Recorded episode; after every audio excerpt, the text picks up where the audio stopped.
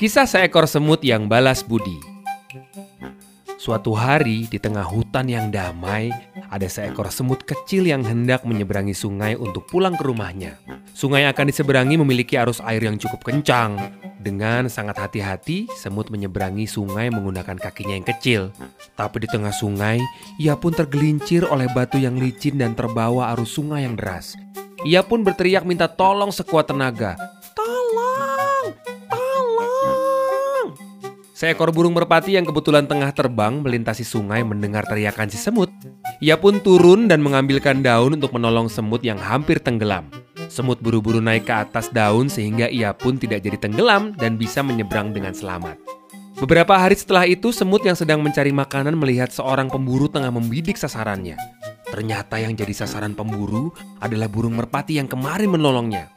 Ketika akan menembakkan senapannya, si semut pun menggigit kaki pemburu dengan kencang sehingga si pemburu kaget dan melepaskan tembakannya. Untungnya, tembakannya meleset dan merpati pun bisa kabur karena mendengar suara tembakan. Burung merpati mengenali si semut yang ditolongnya di sungai telah menyelamatkannya dari pemburu. Ia pun turun berterima kasih pada semut. Keduanya pun menjadi sahabat baik yang saling tolong-menolong.